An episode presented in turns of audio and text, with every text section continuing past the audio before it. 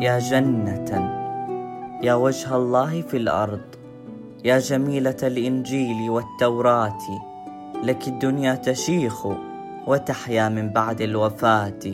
كل ما فيك يشع جمالا ومنك بداية الصلوات يا قدس المآذن. والنقوش الزاهيات والحسن الأغر يا قدس يا قدس عندك ميلاد اليتم والمأساة. أنت الأرض التي حكت ودمرت وشردت من دون جرم ولا استخدام العداوات. يا قدس يا مدينة العرائس والحب والمناجاة. لله در صبرك كأنك مرادف للصبر والمعاناة. لكن سيأتي نصر الله وتأخذين الحق. من بعد البكاء والدعوات. من بعد البكاء والدعوات.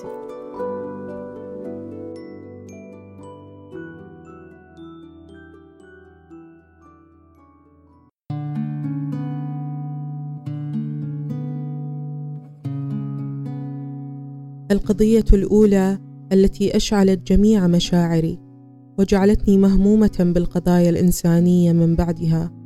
القضية الأولى التي كتبت فيها مقالا ونصا نثريا أفرغ فيه عواطفي المتشابكة القضية الأولى التي لم تغادر أحلامي يوما. الأرض الوحيدة التي احتضنت بؤسي وقلبي التائه الأرض الوحيدة التي شعرت بأنها الوطن الوطن المفقود فلسطين وما أدراك ما فلسطين.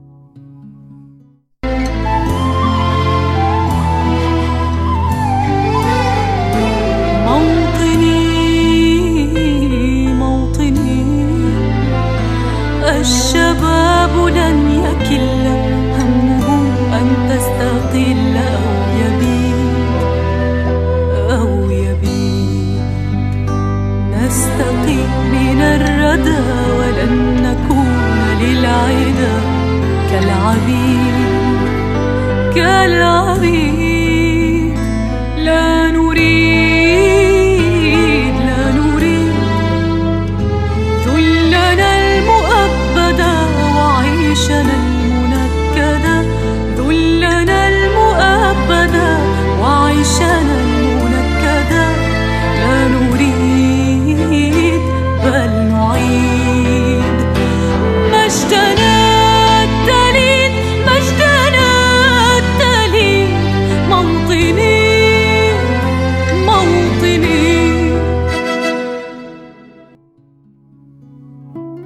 أيا طفلتي الصغيرة التي أضاعت طفولتها بين أشجار الزيتون أيا زهرة قرنفل في شوارع غزة الحزينة هل اقتلعوك من أرضك قبل أن تزهري؟ أي شناعة ارتكب أبواك لتكوني اليوم على حبل المشنقة؟ إلى متى ستظلين حلما يراه قلبي كل ليلة وما أن تشرق الشمس حتى تتضح الرؤية الرؤية المليئة بغبار القنابل وركام الأبنية المتساقطة هل سنعود يوما بأجوبة تكفي لتملأ فراغ الأسئلة الذي يملأ عقولنا؟ وهل ما تزال فيروز صادقة في أغانيها حتى بعد سبعين عاما؟ يوما ما سئلت سؤالا وكان هذا السؤال سبب تسجيلي لحلقة اليوم باختصار ياسمين لماذا فلسطين بالذات التي أسرت قلبك منذ إدراكك للعالم وما حولك. لكل من اتخذ فلسطين شغفا سببا للاستمرار حياة أخرى وملجأ دافئ للهروب. هذه الحلقة لكم اعدت بكلمات صادقة نابعة من قلوب ترفض الظلم واللا إنسانية بكل أشكالها. ما هي قصة القضية التي شردت الملايين من أرضهم؟ ولماذا يتغنى الشعراء والأدباء بجمال أرض الزيتون؟ ويرثون جرحها العميق.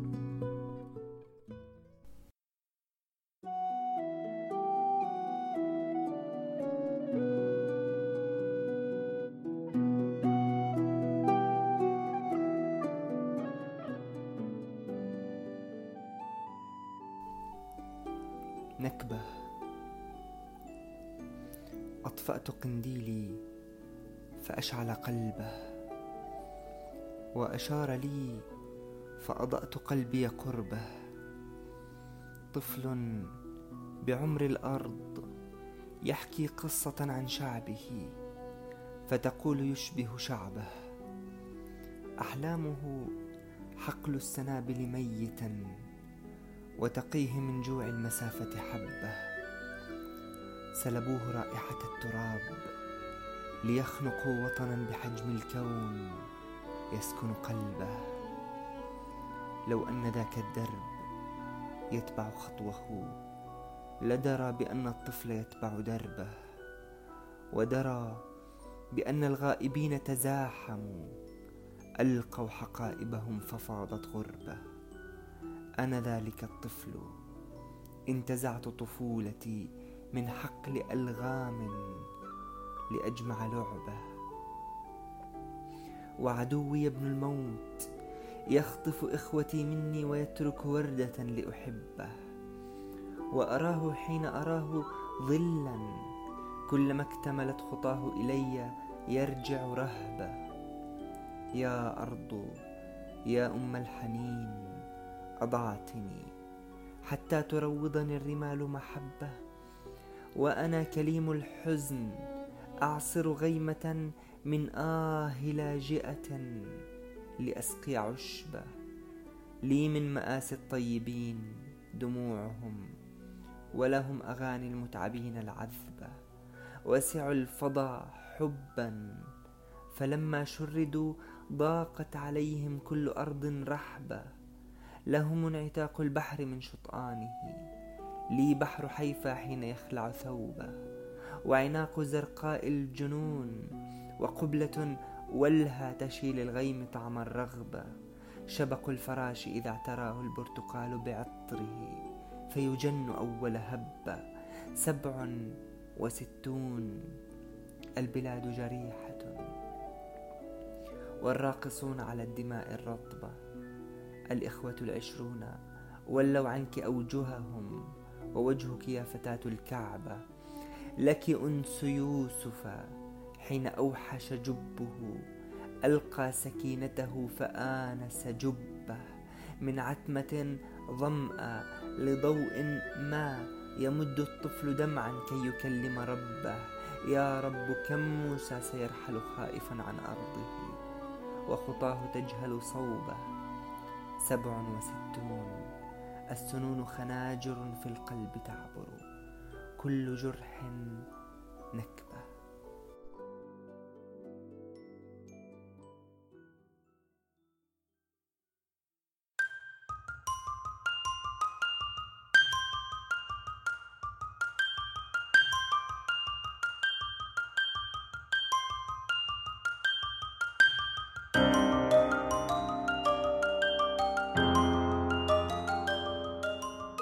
في عام 1896 ألف الصحفي ثيودور هرتزل كتابا بعنوان الدولة اليهودية والذي يدعو فيه إلى إقامة وطن يجمع شتات اليهود حيث اقترح فلسطين والأرجنتين ومناطق أخرى كموزمبيق وأوغندا وأقيمت مؤتمرات يهودية متتالية لجمع التبرعات ودعم الحركة الصهيونية ووقع الخيار على فلسطين. الغريب في الأمر أن اختيار فلسطين لم يأتي بناء على الإرث التاريخي لليهود فيها وهذا ما يفسره وجود خيارات أخرى. أترك لكم التحليل. قال هرتزل في أول مؤتمر في سويسرا إننا سنذهب إلى تلك البلاد ونقوم بتعميرها لأنها خالية وهي أرضنا وإذا وجدنا فيها أحد فسوف نسخرهم لتنقية أرضنا من الحشرات وغير ذلك من الكائنات الضارة ثم نقذف بهم خارج البلاد. ما هو الشيء الذي حدث بعد مؤتمر سويسرا والذي غير الأراضي الفلسطينية إلى الأبد؟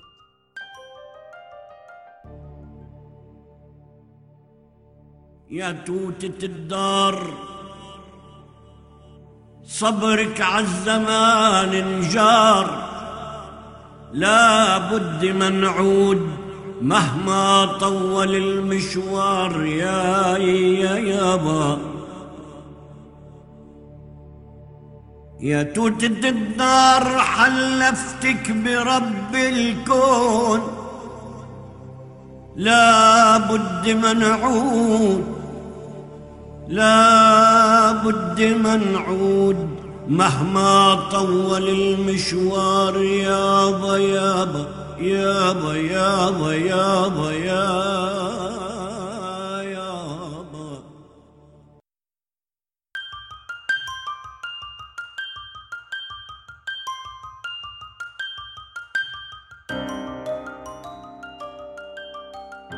بدأ اليهود بأول موجة هجرة إلى فلسطين عام 1882 لاحتلال فلسطين كاملة وبسرعة بدلاً من الاستيطان البطيء. ثم امتدت موجات الهجرة إلى فلسطين من أوروبا والبوسنة وروسيا وغيرها من الدول. هذه الفكرة آه، آه، أنه هم الشعب الذي سبب كل هذا التقدم الحضاري. هي بنت الافتراضات القومية العنصرية الأوروبية في القرن التاسع عشر والقرن العشرين عن الشعب العظيم أو العرق السامي أو العرق اللي أعلى من بقية الأعراق اللي تم إعادة إنتاجها في خطاب شعب الله المختار الخطاب الديني. الصهيونية هي إعادة إنتاج فاشية استعمارية أوروبية محضة بنت القرن التاسع عشر والقرن العشرين في لغة دينية توراتية قديمة لا تمت لها بصلة. هم أبناء الاستعمار الأوروبي أكثر ما هم أبناء حتى الديانة اليهودية.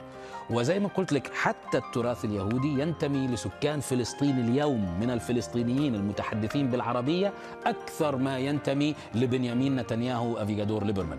القول إنه اليهود القدامى ينتمون لهؤلاء لأنه دينهم واحد ينتمون لنتنياهو وليبرمان لأنه دينهم واحد هذا قول مضحك زي ما يجي واحد أمريكاني مؤمن بجوبيتر إله الرومان أمريكي لم لم يطأ إيطاليا في حياته يؤمن بجوبيتر ويقول انه إيطاليا هي له لأن التراث الروماني الآن ليس ملكا للطليان لأنه دينهم أصبح مسيحي ولغتهم أصبحت إيطالية. بطلوا يحكوا لاتيني وبطلوا يعبدوا جوبيتر وبالتالي هو لازم يروح ياخذ إيطاليا منهم.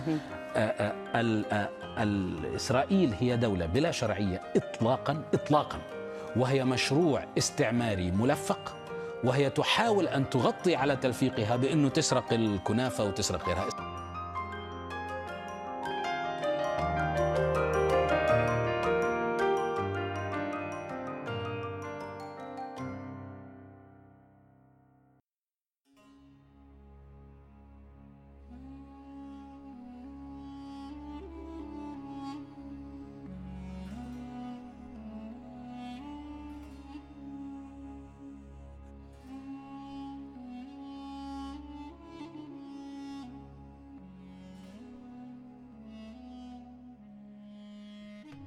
كانت المنطقة كلها ترضخ تحت الاحتلالين الفرنسي والإنجليزي واللذين عقدا اتفاقية سايكس بيكو لتقسيمها إلى دويلات صغيرة. ولنبسط هذه الاتفاقية التي تضم بنودا كثيرة في داخلها دعونا نتخيل الدولة العثمانية أو المشرق العربي الذي كان آيلا للسقوط آنذاك على شكل كعكة حيث كلفت بريطانيا وفرنسا أمهر الطباخين لديهما. أولهم مارك سايكس وجورج بيكو. فبدأت الخلطة السرية برسم خط من حلوى عكا في فلسطين إلى كركوك في العراق فتستولي بريطانيا على ما تحت الخط وفرنسا على ما فوق الخط. وبالطبع فإن العرب كانوا ممنوعين من التذوق حتى. أما بالنسبة للمسات الطباخين فتنوعت ما بين احتلال وانتداب ونفوذ. فانقسمت الدول إلى لقيمات سهلة الابتلاع فيما بعد كما يحدث اليوم في زمننا هذا.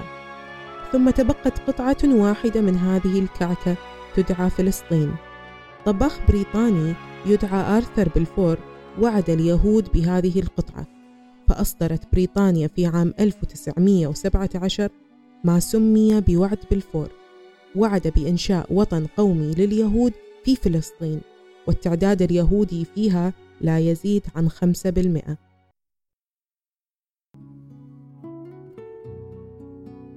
يقول البعض أن المقاومة في حد ذاتها أمرا تترتب عليه خسائر بشرية كبيرة في مقابل ربح القضية هل المقاومة فعلا كما يقول الكثير؟ هل ذهبت الدماء التي سالت والحروف التي كتبت من أجل فلسطين سدن؟ بعد الحرب العالمية الثانية أرادت بريطانيا تسليم فلسطين للعصابات الصهيونية بعد أن قامت بتسليحهم وتدريبهم وتسليمهم عدة مناطق حيوية في فلسطين. وبعد أن سلمتهم إدارة البوليس والمواصلات وغيرها لذا فقد قامت بالانسحاب وأوكلت قضية فلسطين إلى هيئة الأمم المتحدة.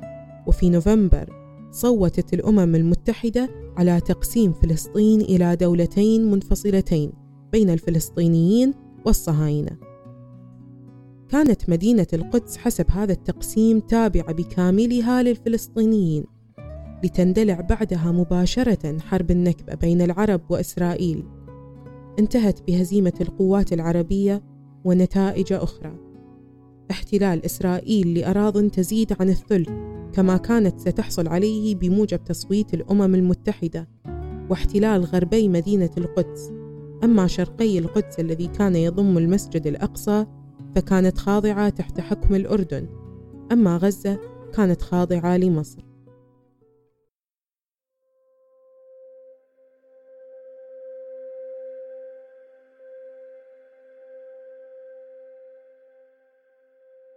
استمر هذا الوضع لثمانية عشر عاما. ثم في سنة 1967 اشتعلت الحرب مرة أخرى بين إسرائيل والدول العربية وسميت الحرب بحرب النكسة لانتكاس الجيوش العربية بعدها فاحتلت إسرائيل بعدها الضفة الغربية وقطاع غزة وشبه جزيرة سيناء ومرتفعات الجولان بالإضافة إلى شرقي القدس والمسجد الأقصى.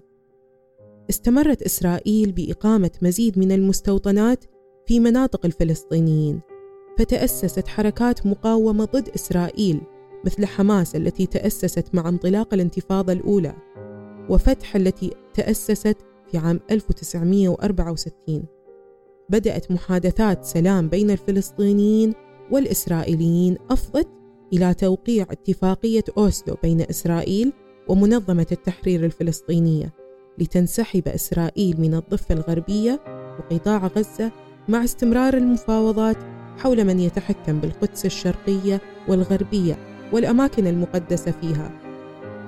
ولكن حركات المقاومة الأخرى اعترضت لرفضها فكرة وجود إسرائيل من الأساس. الحركات تأسست لتحرير فلسطين، لذا وفي عام 2000 قاد آريل شارون ألف جندي مسلح واقتحم المسجد الأقصى لتندلع المواجهات بين المصلين وجنود الاحتلال. في عام 2017 قام الرئيس دونالد ترامب بإعلان القدس عاصمة لإسرائيل. الأمر الذي اعتبرته السلطة الفلسطينية إنهاء لآمال السلام. الصراع يستمر ويزداد غموضا وتعقيدا.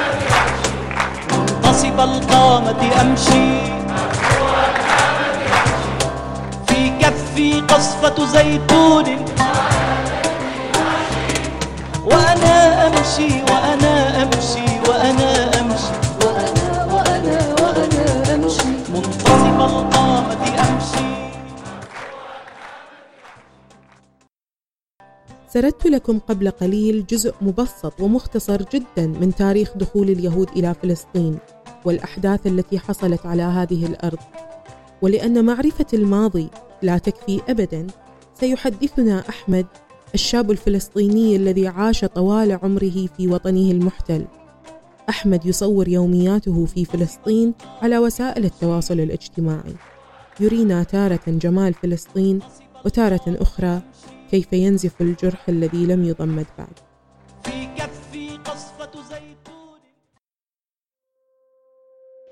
اسمي أحمد انولدت وترعرعت في فلسطين نشأت على حب بالأرض كأي واحد فلسطيني وطنه محتل والركض وراء جنود الاحتلال ونطبش عليهم إحجار.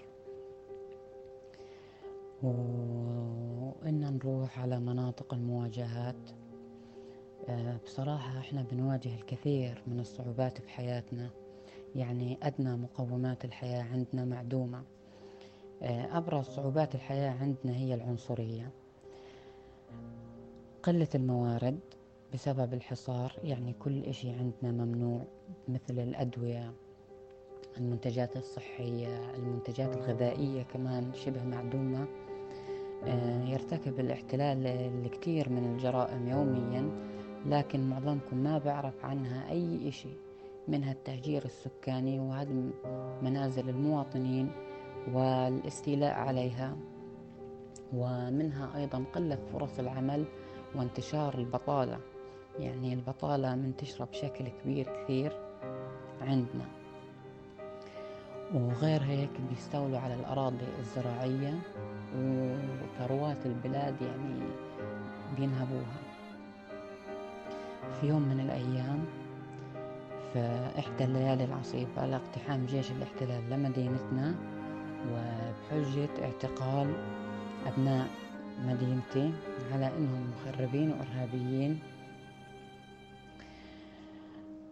أصبت برصاصة في قدمي واعتقلوني على الفور غموا عيوني وأخذوني ساعة ونص في عز, في عز الظلام إلى مكان ما يسمى المسكوبية.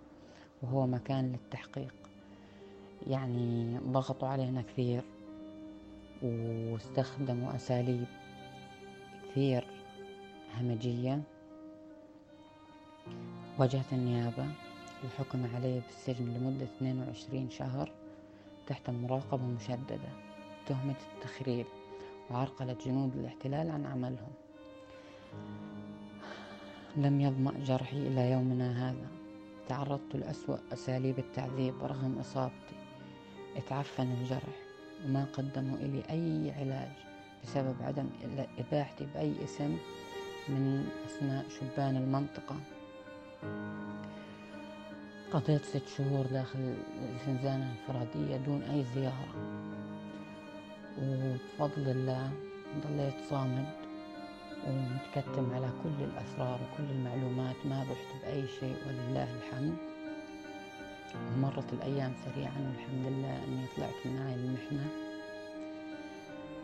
وخرجت بفضل الله ومشيت الأيام آه، سريعا إلى أن حدثت هبة باب الأسباط وهي تركيب البوابات الإلكترونية على باب المسجد الأقصى.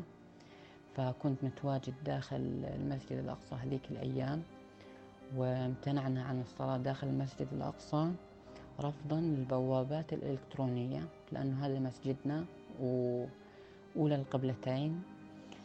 فيعني ما بنقبل أن ندخل مسجدنا ويتفتشوا حريمنا تفتيش يعني دقيق.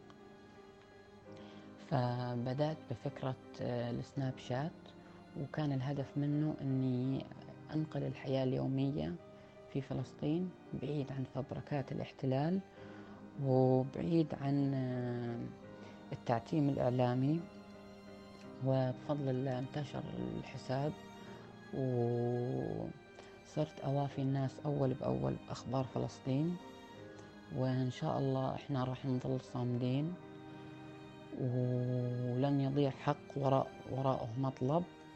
يعني مهما يعمل فينا الاحتلال من عنصرية ومن همج ومن قتل ومجازر وذبح وتهجير إحنا راح نظل صامدين لآخر لحظة حتى نستعيد وطننا وطن المسلمين جميعا.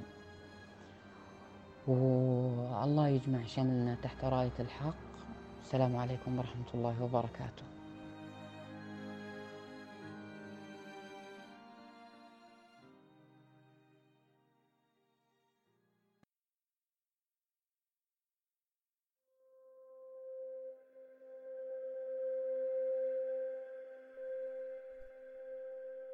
لم يكن إيماني بالمعجزات مطلقا ولن يكون كذلك حتى لحظة واحدة.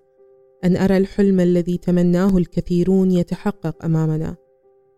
طرح سؤال ما هي أمنيتك لطفل فلسطيني في غزة? يعتبر سؤالا مكررا جدا بالنسبة لي. ولكن كلما سمعت أمنياتهم بذلك الصوت الطفولي الدافئ المليء حيوية يزداد قلبي إيمانا. إيمانا بأن القضية حية. نرجع دارنا و... وأرجع مدرسي يعني. وننتصر على اليهود. نروح على دارنا ونعيش نعيش بسلام. إني أرجع لاراضينا ونتحرر وننتصر على اليهود. أنا والله يعني بتمنى لاحمي الوطن وادافع عن فلسطين.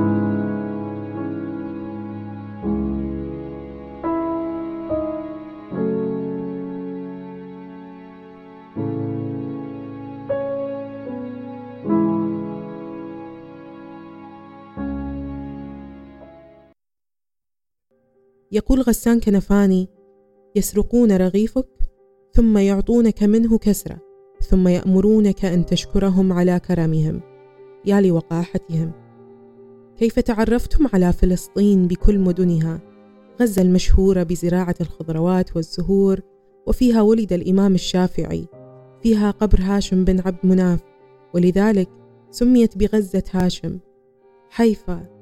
يافا عروس البحر في منتصف الشاطئ الفلسطيني القدس الناصرة والمقدسة عند المسيحيين فيها كنيسة البشارة وعاش فيها السيد المسيح عليه السلام. تكثر حولها أشجار العنب والزيتون ولم تزداد إلا جمالا هذه الأرض حتى بعد كل الألم. تولدت موجتين رئيسيتين من اللجوء الفلسطيني. الأولى في نكبة 48 وأخرى أعقاب حرب 67 تتحمل الأونروا مسؤولية أكثر من 5 مليون لاجئ فلسطيني فيما تتولى المفوضية السامية للأمم المتحدة لشؤون اللاجئين مسؤولية نحو 13 مليون لاجئ. ومنذ 70 عاما يشكل الفلسطينيون النسبة الكبرى من اللاجئين طويلي الأجل. حيث اكتسبوا جنسيات من الدول التي لجأوا إليها. الدموع التي بكتها أم سعد في رواية غسان كنفاني أحاديث البرغوث الطويلة عن لياليه المظلمة في زنزانة العزل الانفرادي والأربعة أجيال التي تحدثت عنها رضوى عاشور في الطنطورية. الأجيال الأربعة التي عايشت الكثير ولم يزدها الفقد إلا قوة. وعندما قالت في إحدى صفحاتها فيتأكد لي مع كل صباح أن على هذه الأرض رغم كل شيء ما يستحق الحياة. جعفر حجاوي شاعر فلسطيني يعيش حاليا في الكويت. يسحرني دائما بكلماته الدافئة التي تحتضن قلبي وبقصائده التي تلقيها مشاعره. كيف يعيش مع الغربة في نفس الزاوية؟ وهل فعلا يتبقى من الوطن شيء في القلب؟ وكأبسط مثال شعور الانتماء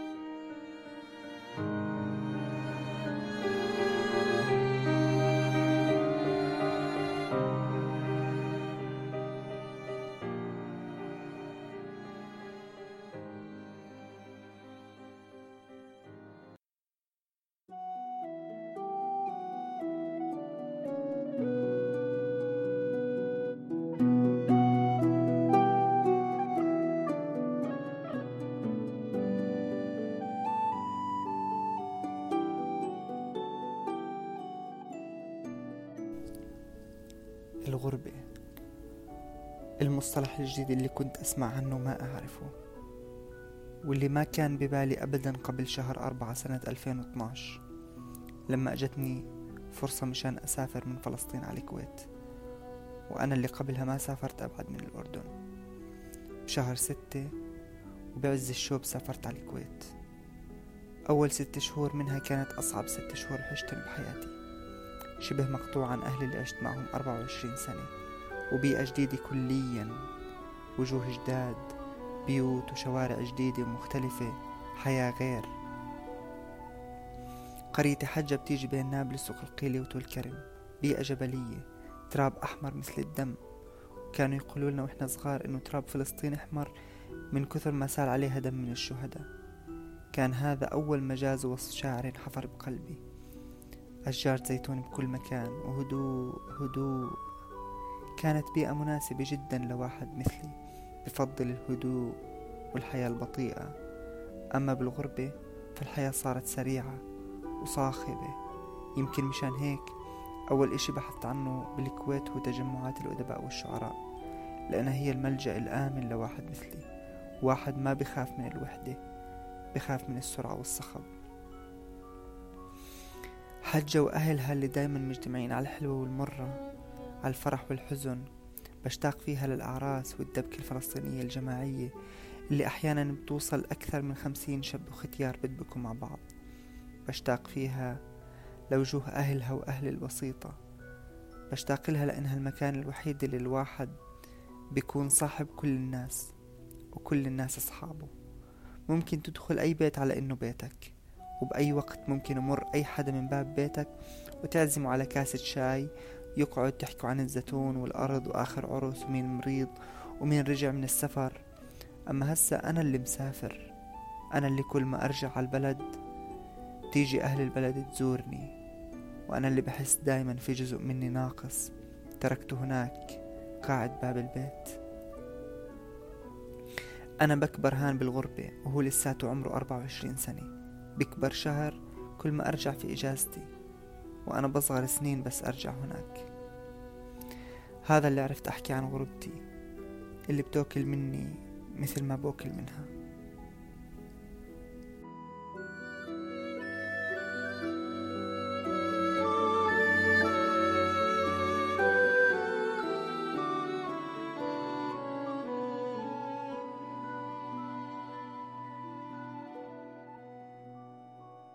في ذكرى النكبة عام 2008 قال تميم البرغوثي بافتتاح إحدى الأمسيات الشعرية. يبدون للموت أنه عبث حتى لقد كاد الموت ينخدع. يقول للقوم وهو معتذر ما بيدي ما آتي وما أدع. يظل مستغفرا كذي ورع ولم يكن من صفاته الورع. لو كان للموت أمره لغدت على سوانا طيوره تقع. أعداؤنا خوفهم لهم مدد. لو لم يخافوا الأقوام لانقطعوا فخوفهم دينهم وديدنهم. عليه من قبل يولدوا طبعوا. قل للعدا بعد كل معركة جنودكم بالسلاح ما صنعوا. لقد عرفنا الغزاة قبلكم ونشهد الله فيكم البدع. ستون عاما وما بكم خجل. الموت فينا وفيكم الفزع. أخزاكم الله في الغزاة فما رأى الورى مثلكم ولا سمعكم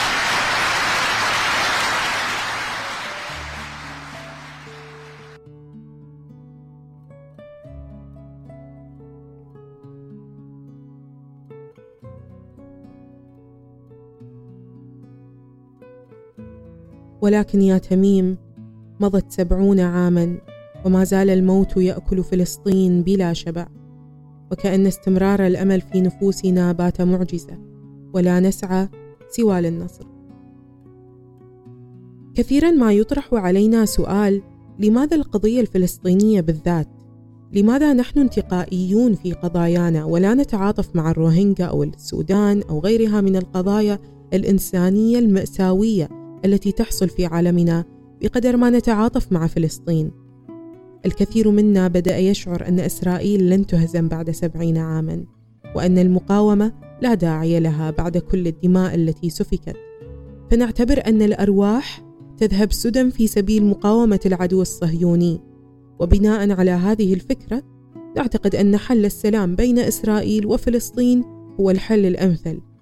أن تبقى إسرائيل كما هي وتبدأ فلسطين بترميم الجروح التي عانت منها عبر كل تلك السنوات وليوضح لكم هذه الفكرة بطريقة أخرى فإن كثيرا من الدول عندما تقبلت حقيقة أنها قائمة على أنقاض دول أخرى تم استعمارها وإبادتها وتصالحوا مع هذه الحقيقة ورمموا أنفسهم لماذا لا نفعل ذات الشيء مع فلسطين؟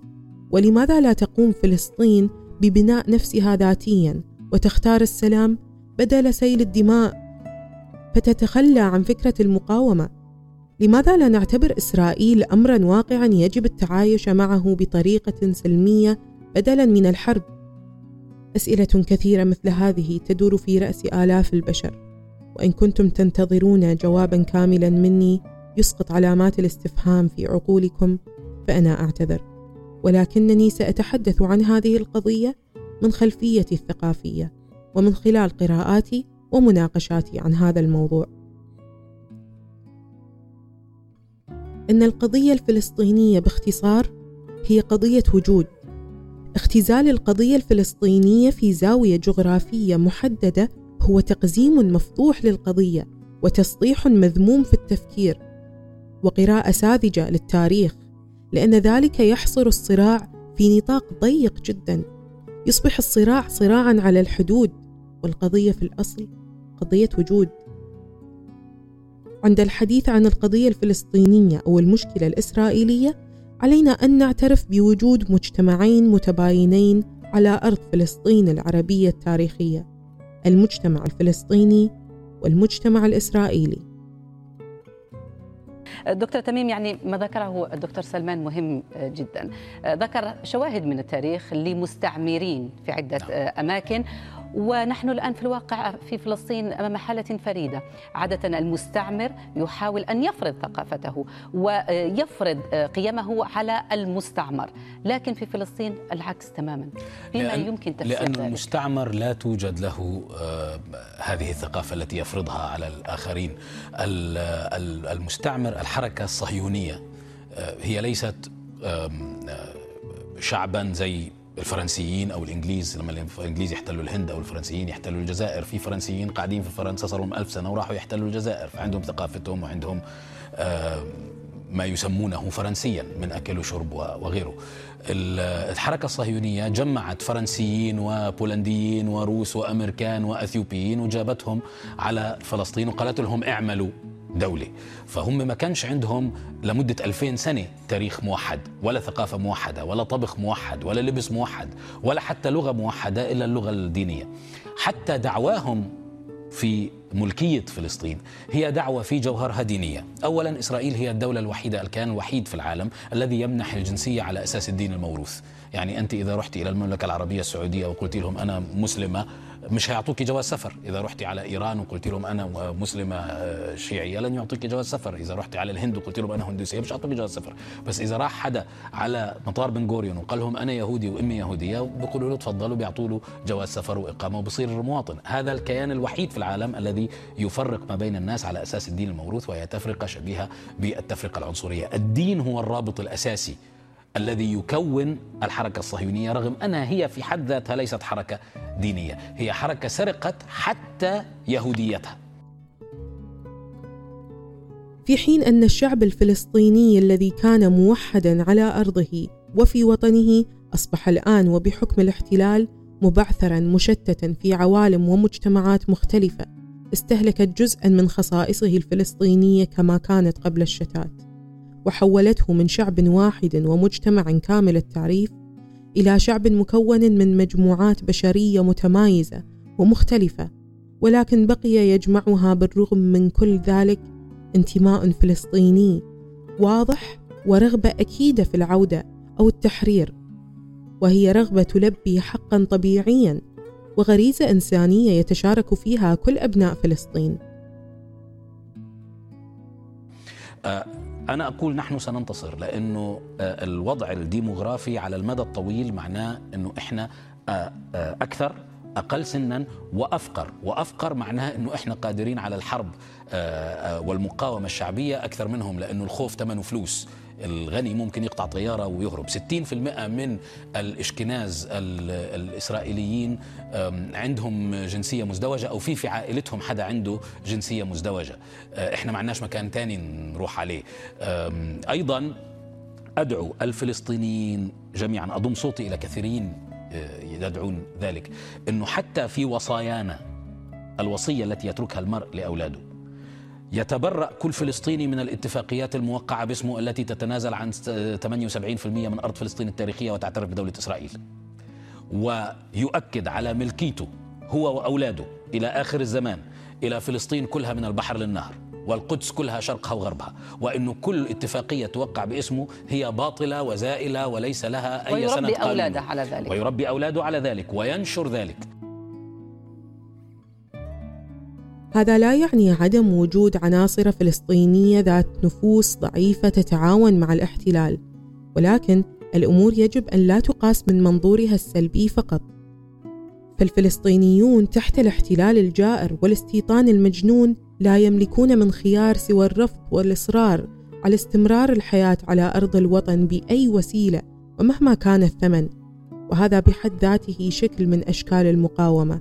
كون الفناء أو خلق أمة فاشلة هو بالنتيجة الهدف الحقيقي للاحتلال الذي يريد الأرض دون البشر. ما السبيل وكيف الطريقة باعتقادك الأمثل؟ أم، وأي مسؤولية تقع على النخبة؟ عليكم أنتم كمثقفين ربما في أه، فعل ما يمكن فعله إزاء هذا. أمرين. الأول المقاومة وهي التي أنهت كل الاستعمارات التي نعرفها في التاريخ ولا أرى سببا ليش مش هي اللي هتكون سبيل تحرير فلسطين. المقاومة أمر ضروري وثقافة المقاومة أمر ضروري ودعم المقاومة أمر ضروري.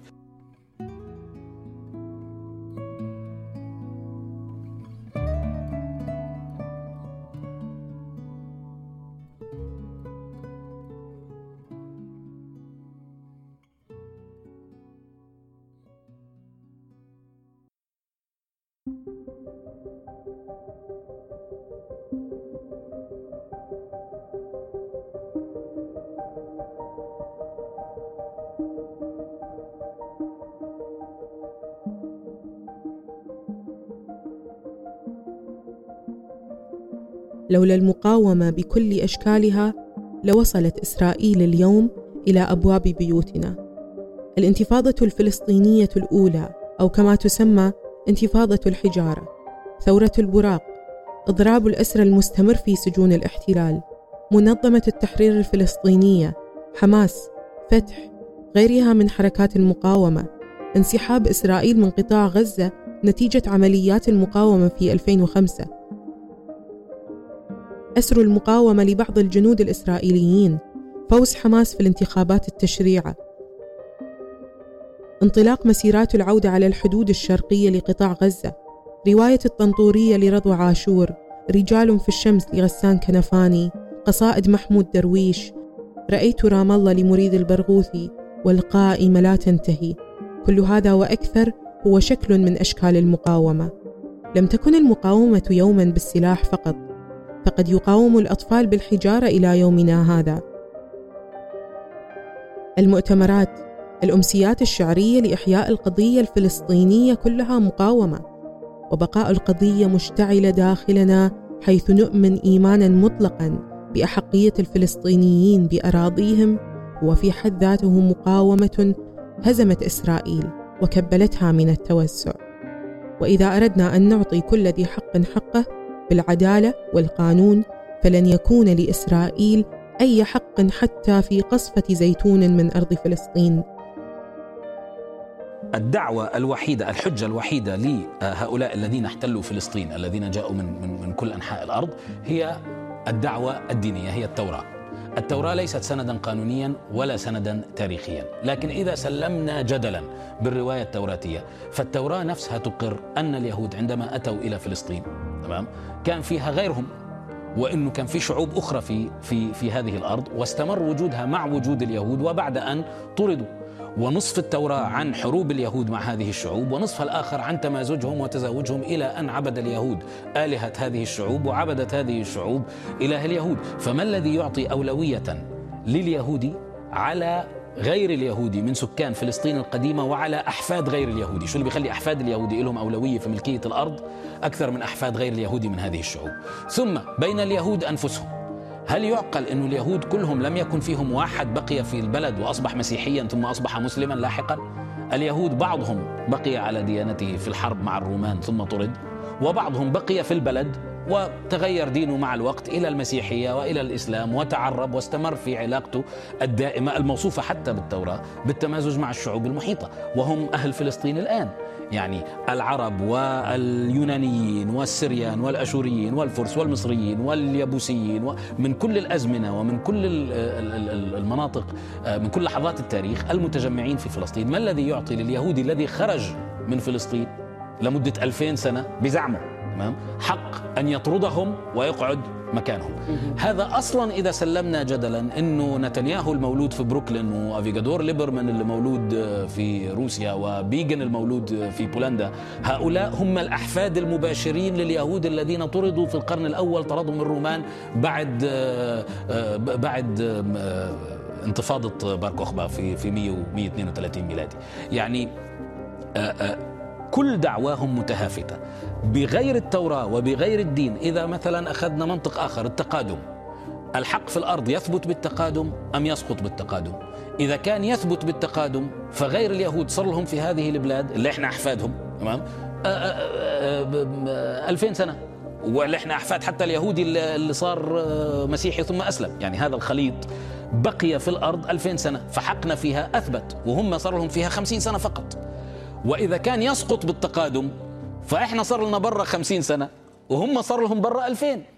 يعني مهما حاولوا بأي مرجعية كانت بالقانون الدولي حتى بالتوراة التي لا يجب أن يعترف بها الجميع مرجعا يعني أو بالمنطق لا توجد حجة للحركة الصهيونية في ملكية اليهود لهذه الأرض دون غيرهم.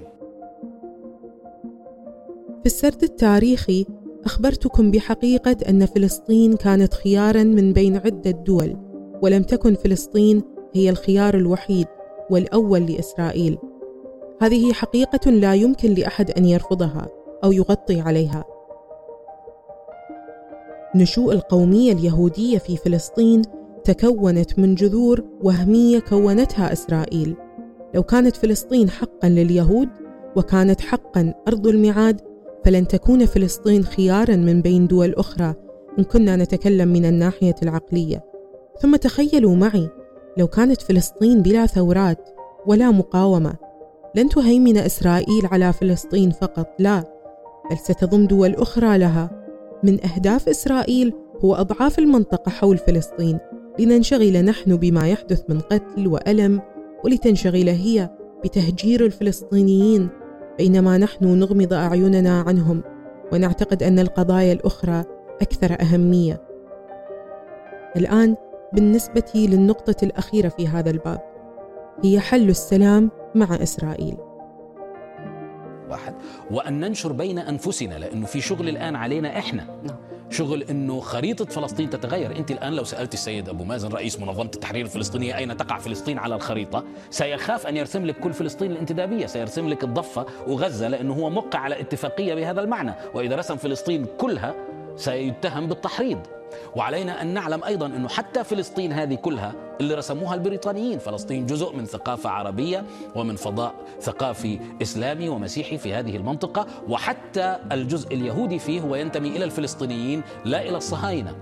لذلك هذا الخطاب يجب أن يدرس في المدارس في مصر أنا درست في في مصر القضية الفلسطينية آه، في التوجيهي وفي الإعدادي يتم تقليص عدد الصفحات التي آه، تدرسها لل- للطلاب سنة عن سنة لكي ينسوا.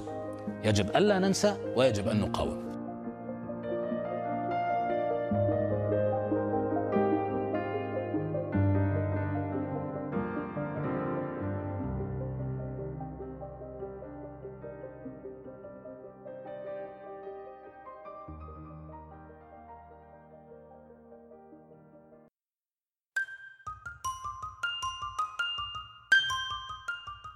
أولاً لنعرف كيف توسعت إسرائيل في فلسطين عن طريق أخذ الدعم من الخارج وبالخارج أقصد على رأس القائمة أمريكا وبعض الدول الأخرى. ومن ثم تلتها مباشرة موجات الهجرة الوحشية التي شردت الفلسطينيين من بيوتهم وأراضيهم لبناء مستوطنات لليهود. الأرض التي اغتصبتها إسرائيل لم تكن صحراء قاحلة أبداً لكي تحافظ على الأراضي التي أخذتها وتأخذها حتى اليوم قامت بإضعاف المناطق المجاورة. وعندما أراد الفلسطينيون التفاوض مع إسرائيل والوصول لحل سلمي اتخذ مجلس الأمن التابع للأمم المتحدة 131 قرار يعالج بشكل مباشر الصراع العربي الإسرائيلي وكثير منها يتعلق بالفلسطينيين. ومنذ عام 2012 صدر عدد من القرارات التي تتناول بصورة مباشرة الدولة الفلسطينية الحديثة. ولكن إسرائيل لم تلتزم بأي قرار أو أي معاهدة لا تتوافق مع مصالحها عبر التاريخ. والآن نحن الذين نعيش خارج الأراضي الفلسطينية أو أنا بالذات.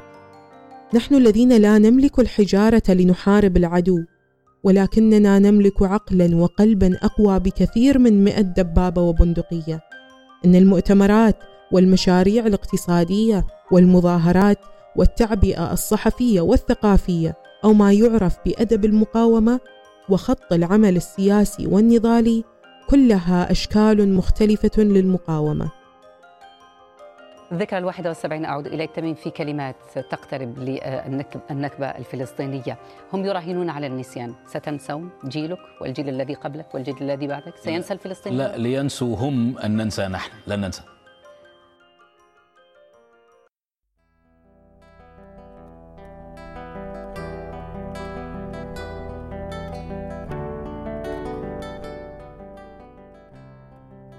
اختر طريقتك المناسبة في المقاومة لأنك إنسان قبل كل شيء لأنك إنسان تشعر بأخيك الإنسان لأنك مسلم ولأن الدفاع عن القدس الشريف مسؤولية الجميع لأنه أولى القبلتين وثالث الحرمين الشريفين كما أنه بيت المقدس ومدينة السلام. لا يمكن اختزالها في حراس البيت أبناء فلسطين لأنهم أهلنا وأخواننا. ودمهم يجري في عروقنا. وإلا فإننا نكون بذلك شركاء رئيسيين في مسخ القضية وبيعها للخصوم. أما إذا كنا جادين وصادقين في الدفاع عن القدس فيجب علينا الإمساك بملف القضية بكيفية صحيحة. نستطيع أن نلم بالوقائع على نحو صحيح. في إحدى المرات سمعت شاعرا يقول إن أروع النصوص الأدبية لا تكتب. أتعلمون لماذا؟ لأن النصوص الأدبية إنما هي متولدة من طفرة في المشاعر. بعض الكتاب لا يريدون لتلك الطفرة أن تخلد في ذاكرتهم ويريدون أن ينسوا ما مروا به لذلك لذلك هم لا يكتبون. وهنا يذهب نصف الأدب. فما نقرأه اليوم من الأدب هو ليس إلا جزءا بسيطا كمثل الماء الذي يبقى على شعره. عندما تغريسها في البحر. الأدب الأعظم إنما هو في أنفس الشعراء وفي أنفس الكتاب. الأدب الذي لم يكتب والذي أرادوا له أهله أن يمحى. كانت هذه الحلقة محاولة لجمع شتات الغربة أو محاولة للعودة إلى الوطن. ونحن في المهجر المهجر الذي نصنعه لأنفسنا على الوطن الذي لم يكن يوما. إن كنتم تستمعون إلى الآن فهذا يعني لي الكثير حقا. أن أنشر أفكاري وآرائي ونتاج قراءاتي بحرية في مساحة حاضنة كهذه يعد مصدر سعادة كبيرة جدا بالنسبة لي. أعتقد بأن أفضل خاتمة لهذه الحلقة هي أن أسمعكم القصيدة التي أسرت قلبي منذ سماعها فطار بعيدا بعيدا إلى الأرض التي تستحق الحياة. محمود درويش أهديها إلى كل من يستمع الآن. وقبل ذلك أردت أن أخبركم أن بإمكانكم التواصل معي مباشرة عبر الإنستغرام والإيميل. يسعدني نشركم للحلقة في حال نالت إعجابكم بطريقة أو بأخرى. ولا تنسوا تقييم الحلقة على ال iTunes وكتابة آرائكم على ال SoundCloud أو على مواقع التواصل. أنا ياسمين كنتم تستمعون إلى بودكاست المهجر. دمتم بسلام دائما وابدا.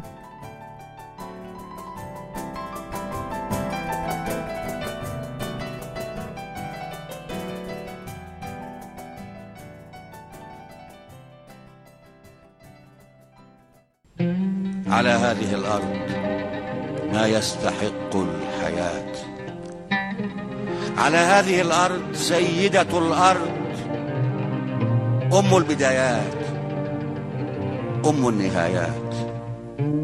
كانت تسمى فلسطين.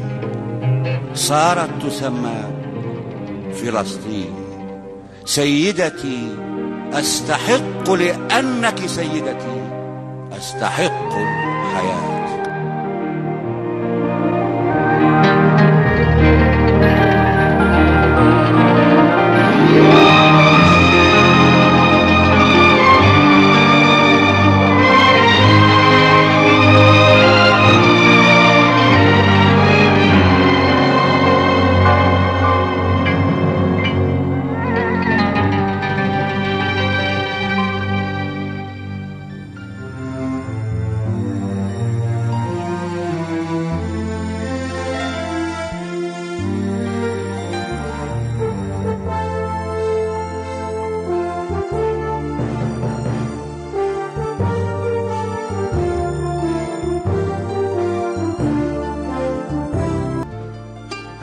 البحر لي هذا الهواء الرطب لي.